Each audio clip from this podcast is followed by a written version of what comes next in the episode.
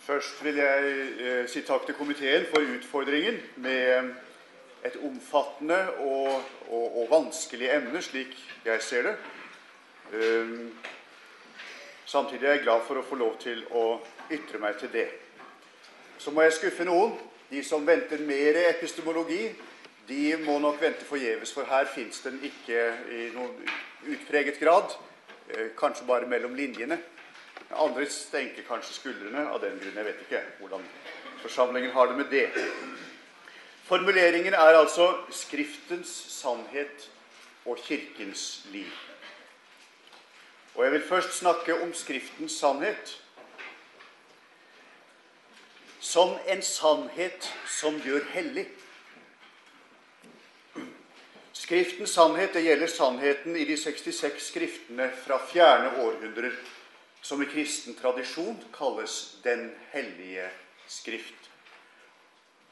Og mange vil først spørre eh, om man kan få sann viten i betydning av pålitelig informasjon fra en slik fjern fremtid, fjern tid. Men det mest interessante ved disse skriftene er ikke dette, men det er påstanden om at de målbærer en sannhet som gjør hellig Jesus sier, 'Jeg har gitt dem ditt ord.' Hellige dem i sannheten. Ditt ord er sannhet. Jeg helliger meg for dem, så også de skal være helliget ved sannheten. Jeg ber ikke bare for dem, men også for dem som ved deres ord kommer til tro på meg. Jeg ber at de alle må være ett, like som du, Far, er i meg og jeg i deg. Slik skal også de være i oss, for at verden skal tro at du har sendt meg.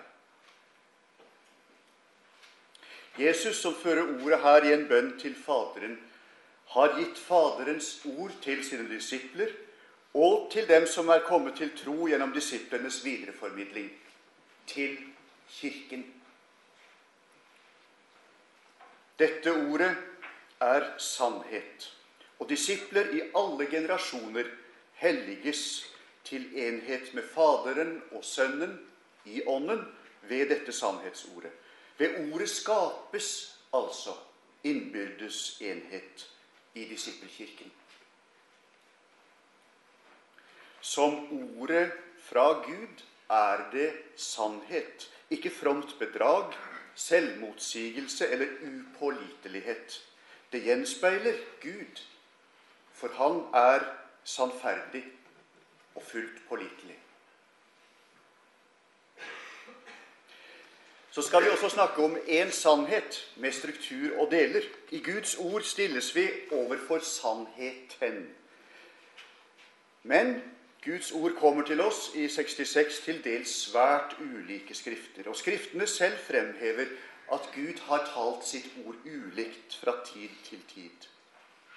Men på en for alle tider avgjørende måte har han talt gjennom Jesus Kristus.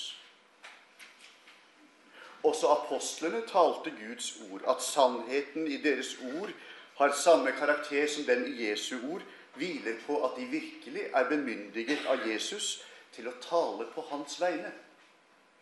Slik at det saklig sett er Jesu ord fra Faderen de bærer fram. Gjennom den samlings- og kvalitetssikringsprosessen som vi kjenner eh, som kanondannelsen, ble Skriftene som i og etter apostlenes levetid formidler Guds ord, identifisert og anerkjent av Kirken. Som den genuine samling av ordet Gud har talt til verden gjennom sin Sønn, er de rettesnor og målestokk, det vi altså kaller kanon, for Kirkens tro og liv. Jeg har gitt dem de ord du ga meg og de har tatt imot dem.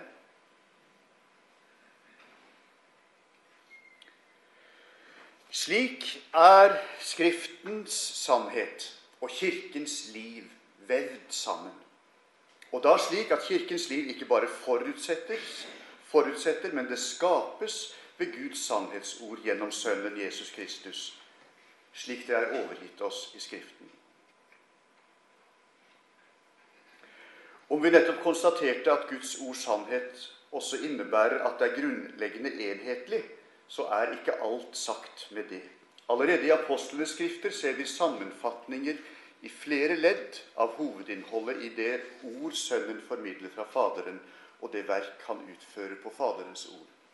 Sannheten i Guds ord fremtrer i en struktur med ulike deler. Og Disse sammenfatningene videreføres tidlig i formulerte bekjennelser. Når mennesker så blir innlemmet i Kirkens enhet med Faderen og Sønnen, uttaler disse bekjennelsene innholdet i den sannheten som enheten med Faderen og Sønnen og de andre troende er omfattet av og grunnet på. Å bekjenne er jo etter roten i det greske ordet å si det samme. Altså det samme som Guds ord sier til oss. Selv om bekjennelsen har deler og struktur, er den samtidig enhetlig, for den utgjør en sammenhengende enhet og uttrykker Skriftens ene sannhet. Sannheten, som omfatter skapelse og forløsning, lov og evangelium, er fundamentalt enhetlig, selv om den ikke utgjør bare én påstand, som f.eks. rettferdiggjørelsen ved tro. Og så vil jeg si noe om at Skriftens sannhet er endelig. Skriftens sannhet er den endelige sannhet om det Skriften lærer. Med avslutningen av apostlenes vitnesbyrd er tiden da Gud åpenbarer ny sannhet til ende. Kirken kan ikke og skal ikke vente seg noen fortsatt åpenbaring av ny sannhet, selv om en og annen av årets bispekandidater ønsker seg det. Det er grunn til å fremheve hvordan troen på en gitt sannhet fra Gud står i kontrast til samtidens sannhetsforståelser. Etter min rige forstand tenker samtiden slik at den vitenskapelige sannhet er i prinsippet reviderbar. Ellers er den ikke vitenskapelig. Sannheten vunnet under historiens skiftende vilkår må endre seg med sin tid. Og den sosialt konstruerte sannheten overlever ikke den sosiale struktur som etablerte den, men endres og nydannes med nye sosiale strukturer. Mens en tidligere kirkeminister mente at grunnvilkårene for Kirken er stadig å vinne ny innsikt, en virksomhet han i kraft av å være kongen i statskirkeordningen gjerne ville gå foran i, vender Kirken seg alltid bakover til den sannhet som en gang for alle er gitt dem i Skriften. Det skulle være unødvendig å si at en slik sannhetsforståelse er som en rød klut for det moderne historiserende og det postmoderne konstruktivistiske mennesket, dvs. Si for vår samtid. Få trekk ved kristen tro er så egnet til å vekke indignasjon, for ikke å si aggresjon, som den kristne sannhetsforståelsen. Også Skriftens sannhet er tilgjengelig. Skriftens sannhet er tilgjengelig gjennom dens ytre språklige skikkelse, slik som teologer har for vane å kalle det for Skriftens klarhet. Det innebærer samtidig en grunnleggende tillit til språkets mulighet til å formidle adekvat erkjennelse av saksforhold og fortolkninger av historiske hendelser, også over historiens kløfter. Slik for, formidling forutsetter imidlertid kompetent språklig og historisk arbeid. Skriftens sannhet og Kirkens liv. Vi går over til Kirkens liv og spør hva og hvem. Hvem sitt liv er det vi skal reflektere over? Jeg kunne ha lyst til å, å, å ta en liten runde i norsk kirkeforståelse og kirkedebatt, men det tar for lang tid, så jeg må stupe over Augustana. Ikke den gamle tanten, men det lutherske bekjennelsesskriftet Confessio Augustana, heretter kalt CA. Med Confessio Augustana legger vi imidlertid til grunn at Kirken er forsamlingen, eller forsamlingene, kanskje vi kan våge oss til å si, av de hellige, hvor evangeliet læres rent, og sakramentene forvaltes i overensstemmelse med evangeliet, av den ordinerte tjenesten som Gud har opprettet for at mennesker skal komme til og bli bevart i den frelsende tro. Kirkens nøyaktige grenser er usynlige, fordi det alltid er det CA kaller hyklere og onde i den synlige kirken. Derfor kan man med rette si at Kirkens nøyaktige omfang er skjult. Men det forhindrer ikke at Kirken er synlig og kan kjennes gjennom sine syv kjennetegn. Først ordet prekt, trodd, bekjent og etterlevd. Så dåpen forvaltet slik at troen slutter seg til. For det tredje nattverden, bekjent som Herren Jesu sanne legeme og blod under brød og vin. For det fjerde nøklene. For det femte embetet, den vigslede tjenesten med å forkynne evangeliet og forvalte sakramentene. For det sjette bønnen, og for det syvende korset. Følge Martin Luther i skriftet om konsilene og Kirken er dette Kirkens kjennetegn, de tegn som vi kjenner at Kirken er til stede på. Ut fra konfessor Augustana er de primære kjennetegnene på at Kirken er til stede, en ren evangelieforkynnelse og en rett sakramentforvaltning. Når det gjelder kriteriene for enhet i Kirken, gjør Augustana imidlertid en viktig avgrensning. Sitat, Men det er ikke nødvendig at det alle steder er ensartede menneskelige overleveringer eller skikker eller seremonier som er fastsatt av mennesker. CA7. Etter Augustana skal altså menneskelige overleveringer, som det kalles, eller skikker eller seremonier som er fastsatt av mennesker, kunne variere uten å ødelegge Kirkens enhet. Og det er ikke fordi det dreier seg om den usynlige kirkes usynlige enhet. Men fordi den synlige kirke tåler slik ulikhet innenfor sin konstaterbare enhet.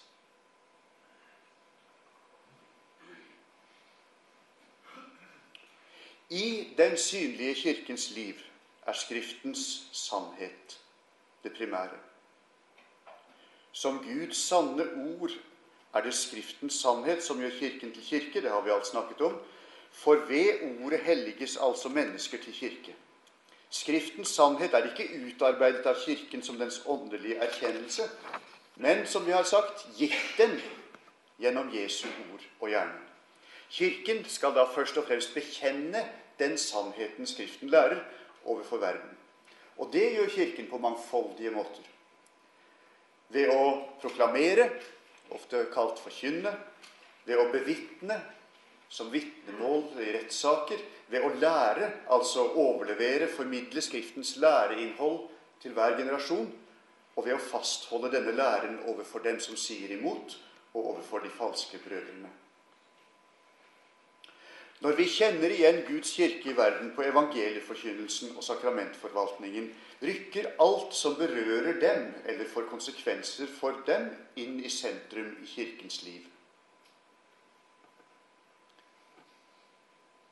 Hva er problemet når man på tross av Skriftens enhetlige sannhet må konstatere at to lærestandpunkt er innbyrdes uforenlige? Da setter den læren som ikke representerer Skriftens sannhet, menigheten i ytterste fare. Dersom menigheten tilegner seg den skriftstridige læren, vil den slutte å bære Kirkens kjennetegn. I ytterste konsekvens blir mennesker ikke bevart i en sann tro, og Kirkens omsorg gir dem ikke nåde til å leve og dø som kristne. Av omsorg for menneskets salighet er det derfor nødvendig å fastholde Skriftens lære slik den er sammenfattet i bekjennelsen og avvise dem som lærer mot Skriftens sannhet. Med dette aktualiseres spørsmålet på hvilken måte er Kirken én? Vi har allerede sagt noe om Kirkens enhet på grunnlag av at den er helliget av den ene sannhet i Skriften. Kirkens enhet er en enhet som er gitt den på samme måte som sannheten er gitt dem. Likeens lærer de at det alltid vil forbli en hellig kirke, sier Augustana i artikkel 7. Kirkens enhet er altså ikke et mål som bør nås. Enheten er et faktum som Kirken får glede seg over, og som den må verne om. Og den er en realitet i Kirkens liv som skal synliggjøres overfor verden. Om Kirken taler usant om sin enhet utover de grensene Guds ord trekker, synder den og setter sitt liv i fare. Om den godtar urettmessig splittelse, forgår den seg også mot enheten som er gitt den. Kirkens enhet er festet i enigheten om evangeliets rene lære og sakramentenes rette forvaltning, lærer vi av Sea. Og ulike menneskelige overleveringer og ordninger truer ikke denne sannheten. Det betyr at på grunnlag av kirketenkningen i Sea er ulik kirkelig organisasjonsform, skikker eller nasjonalitet ikke grunnlag for brudd i den kirkelige enhet. Derfor må utgangspunktet være at alle kirkesamfunn og andre typer la oss kalle det kirkelige jurisdiksjoner, med et litt tåkeleggende ord, som slutter seg til læren i, til læren i de fem lutherske bekjennelsesskriftene, er ett på grunnlag av Skriftens sannhet. Deretter må en spørre etter eventuelle læremessige skiller, og om disse er av en slik karakter at de bryter enigheten om evangelieforkynnelsen og sakramentforvaltningen. Og en må vurdere om menneskelige overleveringer, som jeg kaller det, skaper urettmessige brudd i enheten. Siden vi ovenfor avviste tanken om at Kirkens enhet er usynlig, vil det her være feilaktig å legge enheten på grunnlag av felles bekjennelse til den usynlige sfæren. Tvert imot bør den synliggjøres på saksvarende måte, og dermed bekjennes Eh, sannheten i Skriften overfor verden og dem som sier imot.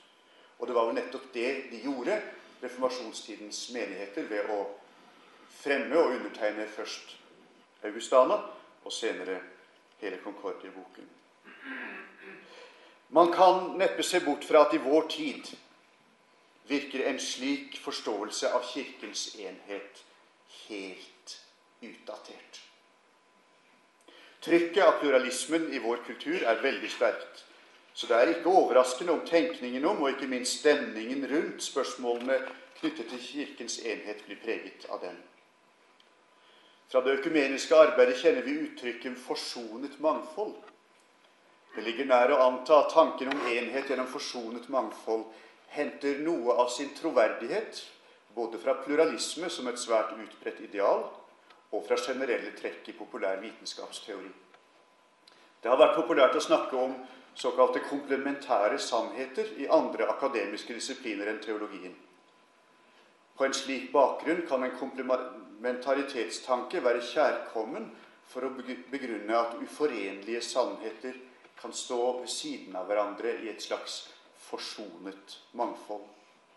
Men med et slikt grep opphører hver av de uforenlige sannhetene å være allmenngyldig sannhet. Gjennom selve grepet tildeles hver sannhet et begrenset gyldighetsområde, én sannhet blant mange. Mens teorien om det forsonede mangfold blir selve den omfattende sannheten som gjelder alle de uforenlige sannhetene. Kirkens enhet blir da ikke holdt oppe gjennom bekjennelse til felles forpliktende trosinnhold av klassisk type. Den blir én gjennom akseptering av at alle motstridende sannheter kan underordnes hva da? Forsonet mangfold. Populært sagt vi lever i en ny tid. Nå oppleves ikke de gamle stridsspørsmålene så konfliktfylt lenger. Vi har innsett at det går an å stå sammen på tross av ulike meninger. Talsmenn for Den norske kirkes kirkemøtevedtak i sak 7 i november 2007 hevdet at man ga rom for begge syn for å berge Den norske kirkes enhet. Og man kan spørre er forsonet mangfold modellen som skal godtgjøre at enheten i Den norske kirke er bevart på tross av innbyrdes uforenlig lære. Men må ikke lignende spørsmål også stilles til Frikirken og til Nordmisjon, der enheten hevdes å bestå på tross av ulik lære om kjønn og vigslet tjeneste? så kan kanskje tanken om forsonet mangfold gi en forklaring på hvordan slikt går an. Men kanskje er det heller slik at det framstår som kirkepolitisk eller organisasjonspolitisk nødvendig, eller kanskje det heller framstår som moralsk nødvendig å berge den ytre enheten på tross av motstridende lære, som ikke samtidig kan legges til grunn for lære og liv. Det er da grenser for hvor vanskelig man kan være.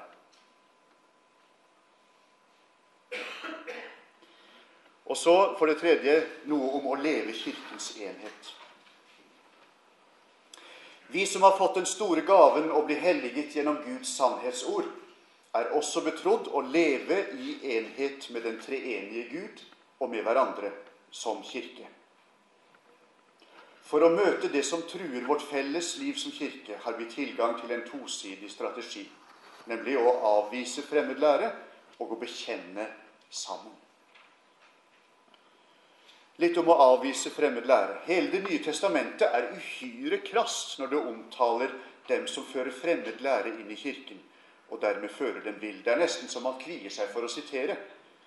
Fremmed lære møtes med nulltoleranse. Målsettingen er ikke å sikre den rene kristne ideologien, men å avsløre løgnen, sannhetens motsetning. Billedbruk og saksinnhold fremhever at det er livet for disiplene, Kirkens lemmer, som står på spill.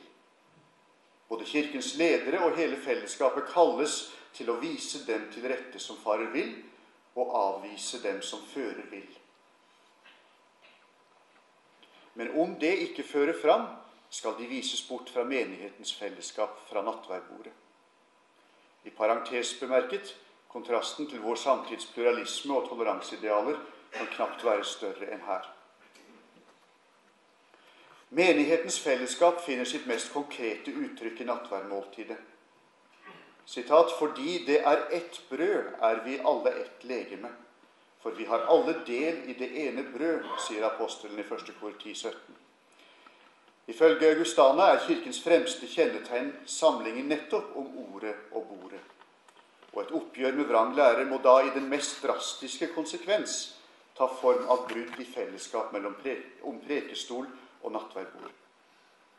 Ingen andre tilknytningsformer til det fellesskapet som er gitt oss, er mer grunnleggende enn det. Som en etterklang av en organisasjonsorientert epoke ser mange på kirkemedlemskapet som mest, den mest grunnleggende tilknytning til Kirkens fellesskap. Og i fortvilelse over læreavvik i eget kirkesamfunn står utmeldingen som det siste drastiske skritt. Det være langt fra denne foredragsholder å bagatellisere medlemskapsordninger, men likevel peker vi altså på at det er ikke medlemskapsfellesskapet, men det er nattværfellesskapet som er Kirkens og kristenlivets mest grunnleggende enhetsbånd. Vi er ikke ett legeme fordi vi står sammen på medlemslista, men fordi vi har del i det ene brød. Et individuelt eller kollektivt brudd med vranglære må skje i form av brudd i nattverdfellesskap hvis bruddet skal svare til måten Kirken er én på.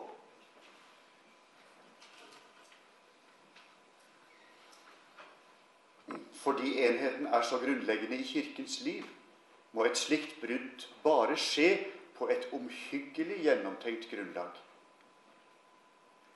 Hvis nattværfellesskapet imidlertid for forblir ubrutt over slike skiller, har overgang fra ett medlemsregister til et annet mindre betydning. Som tegn på brudd i det åndelige fellesskapet av læremessige årsaker har en rekke prester i Den norske kirke de siste årene ønsket å bryte tilsynsrelasjonen til sin biskop. Og Noen biskoper har også prøvd å få i stand en ordning med alternativt tilsyn etter mønster fra Church of England. Det siste forsøket på å få i stand en slik ordning gjennom oppropet 'For enhetens skyld' er det god grunn for Den norske kirkes medlemmer til å støtte. I denne sammenheng er det imidlertid på sin plass også å presisere det er viktig at prester har tilsyn fra rettlærende biskoper. Likevel er det ikke først og fremst prestene som trenger alternativt tilsyn på bakgrunn av vrang lære blant biskoper og prester. Det er menighetene som er mest utsatt når lære i strid med Skriften tillates i menighetene og i hele kirkefellesskapet. Det er deres liv som står i fare, og det er for menighetenes skyld prestene må få et intakt tilsyn. Menigheter som holder fast på den sannheten Skriften er gitt dem, sannhet i Skriften som er gitt dem, må ha mulighet til å avvise ordinerte ordets tjenere som ikke holder fast på Skriften. Og dersom kirkesamfunnet også har en enhetens tjeneste, en bispetjeneste, må menighetene ha samme rett overfor den tjenesten. Men altså Det er åpenbart at Skriftens sannhet ikke får sin rette plass i Kirkens liv bare gjennom avvisningen av vrang. Og Derfor må vi snakke om samstemt bekjennelse. Selv i den nåværende tilspissede situasjonen i Den norske kirke er avvisning verken viktigst eller tilstrekkelig. Det viktigste og mest fundamentale vi kan gjøre, er å bekjenne. Og med basis i samme læregrunnlag er det saksvarende at vi bekjenner sammen. Mønsteret ligger for så vidt klart i innledningen til Seas ulike artikler, der det sies 'våre menigheter lærer samstemmig at', eller 'likeledes lærer de', altså menighetene, at, osv. Og så utfoldes bekjennelsen gjennom de forskjellige artiklene. I en tid som preges, av, preges dypt av pluralisme og læreforvirring, og med en kirkehistorie bak oss som rommer mange ulike og til dels motstridende teologiske strømninger og standpunkt, er det ingen selvfølge at man står sammen om innholdet i bekjennelsen. Er noen selvfølge er det nå forresten egentlig aldri. Den norske kirkes kirkemøtevedtak om å tillate homofilt samlevende og inneha Kirkens vigslede tjenester ligger nærmest som årsak til læremessig og dermed kirkelig splittelse. De to lærestandpunkt om homofilt samliv i Lærenemnd for Den norske kirke citat, er innbyrdes uforenlige og kan ikke begge legges til grunn for Kirkens lære og liv, citat, som den kirkelige delen av nemnda fastslo med rette. Kirkemøtets vedtak i fjor høst om vigsling og tilsetting av homofilt samlevende bekrefter og institusjonaliserer den ubibelske læren om samliv blant homofile, som den andre halvdelen av lærernemnda stilte seg bak. Og slik brytes enheten i Den norske kirke i stykker. Fordi en med denne læremotsetningen ikke kan enes om evangeliets lære og sakramentenes forvaltning.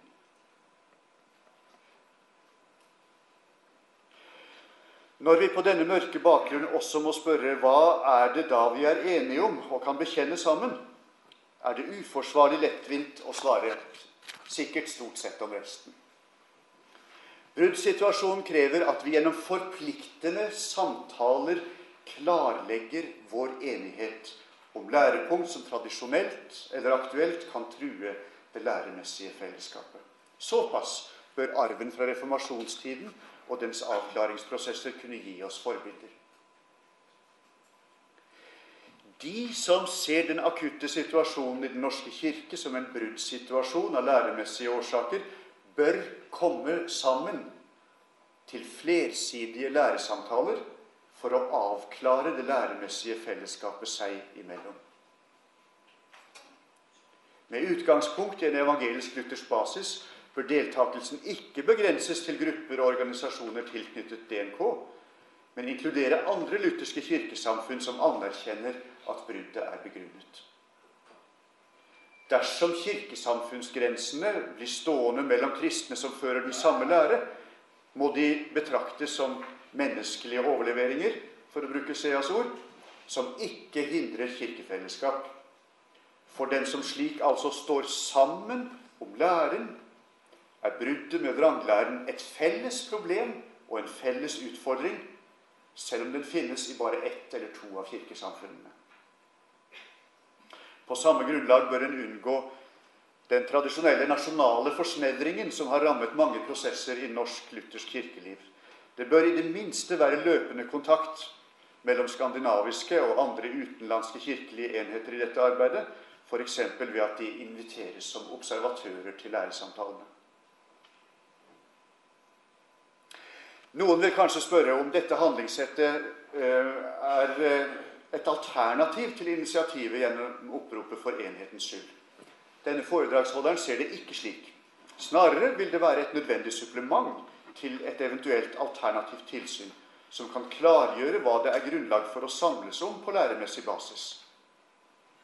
Om det på denne felles læremessige basis finnes det vi kan kalle selvstendige kirkelige jurisdiksjoner, som Frikirkens, Parateket, Delk, Nordmisjon, Sambandet, Den norske kirke i eksil eller et eventuelt ikke-territorielt stift med en flyvebiskop i DNK, så er det til å leve med. Ut fra det vi har sagt om enheten før. Og så mot slutten et par ord om temaer for læresamtaler. Under synsvinkelen Skriftens sannhet og Kirkens liv er det en rekke temaer som i tillegg til det utløsende spørsmålet melder seg som aktuelle for slike læresamtaler som nettopp nevnt.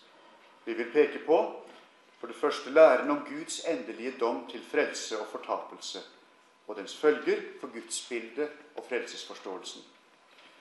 For det andre læren om Kristi legemes og blods nærvær i nattverdens brød og vin. For det tredje læren om dåpssakramentets frelsende virkning. For det fjerde læren om den vigslede tjeneste med ord og sakrament, og med dette også spørsmålet om den vigsledes kjønn. For det femte spørsmålet om gjengifte. For det sjette forståelsen av Kirkens enhet. Og for det syvende forståelsen av Skriften som Guds ord. Disse temaene er ikke valgt som en vareopptelling av forrige århundres kirkelige stridigheter, selv om det sikkert kan høres sånn ut. De representerer svært aktuelle utfordringer til Kirkens liv i det skandinaviske samfunn, og faktisk i det postmoderne samfunn på alle kontinenter. Det skulle være tilstrekkelig å se hvilken rolle de spiller i lutherske og anglikanske kirkesamfunn verden over.